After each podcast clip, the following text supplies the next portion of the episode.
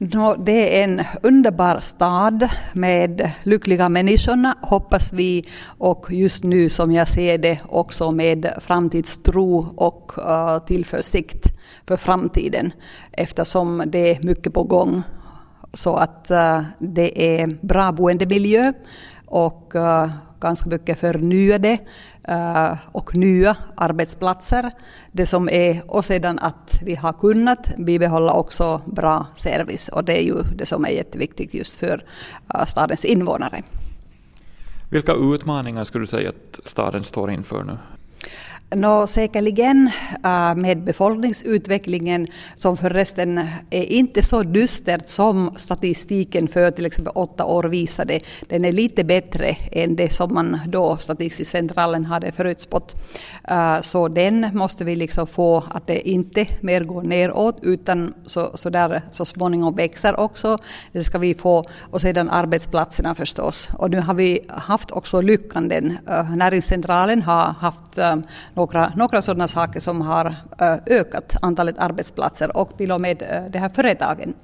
Och sedan förstås vi uppmuntrar de, de nuvarande företagen så att de växer. Och ganska många har faktiskt sådana utvidgningsplaner eller håller på att bygga också större, större grejer också i byarna så att det är det jättetrevliga. Och sedan för det tredje förstås nu under SOTE-tiderna att vi bibehåller uh, de här servicen uh, som, som vi har nu haft här i när Eh, närservice som närservice och förstås vi tar i beaktande att det blir sådana mobila lösningar och kanske lite mer digitala lösningar också.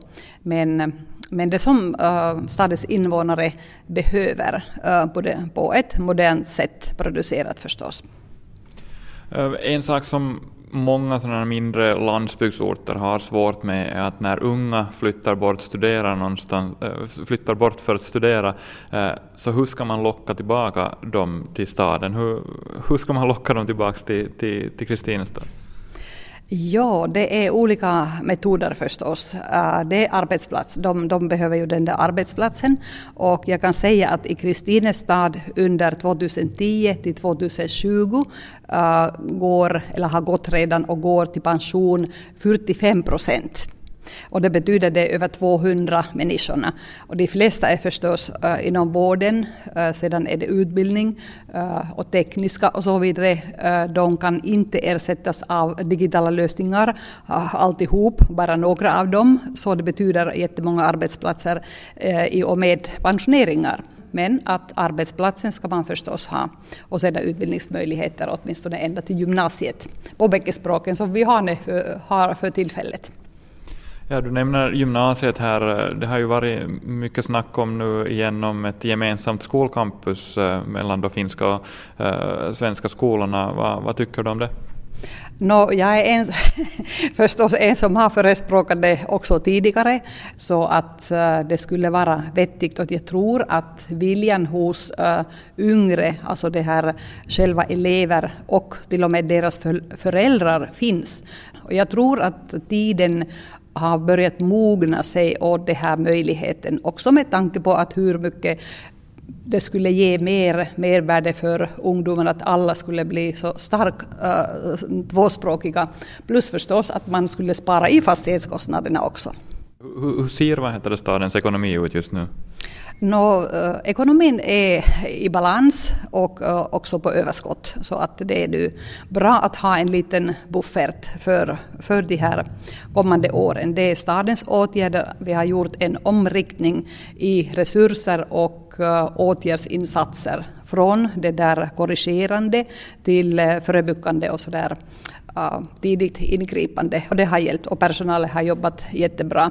Så att uh, den, den tror jag att det kommer att fortsätta också, att vi håller den där bra budgetdisciplinen som vi har nu lärt under de senaste hårda, hårda år, men att vi har kunnat nå en lägre uh, utgiftsnivå och den hoppas jag att den eh, bibehålls.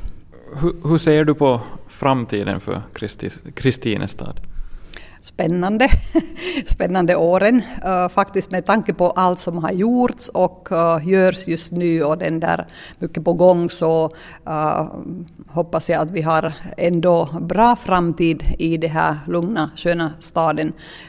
så att invånarantalet sjunker inte mer utan kvarstår och lite ökar också och sedan vi får ytterligare nya arbetsplatser och sedan våra företagare och företag de är sega så att de fortsätter, fortsätter också och lite växer kanske till. Så att jag ser med tillförsikt eh, in i framtiden.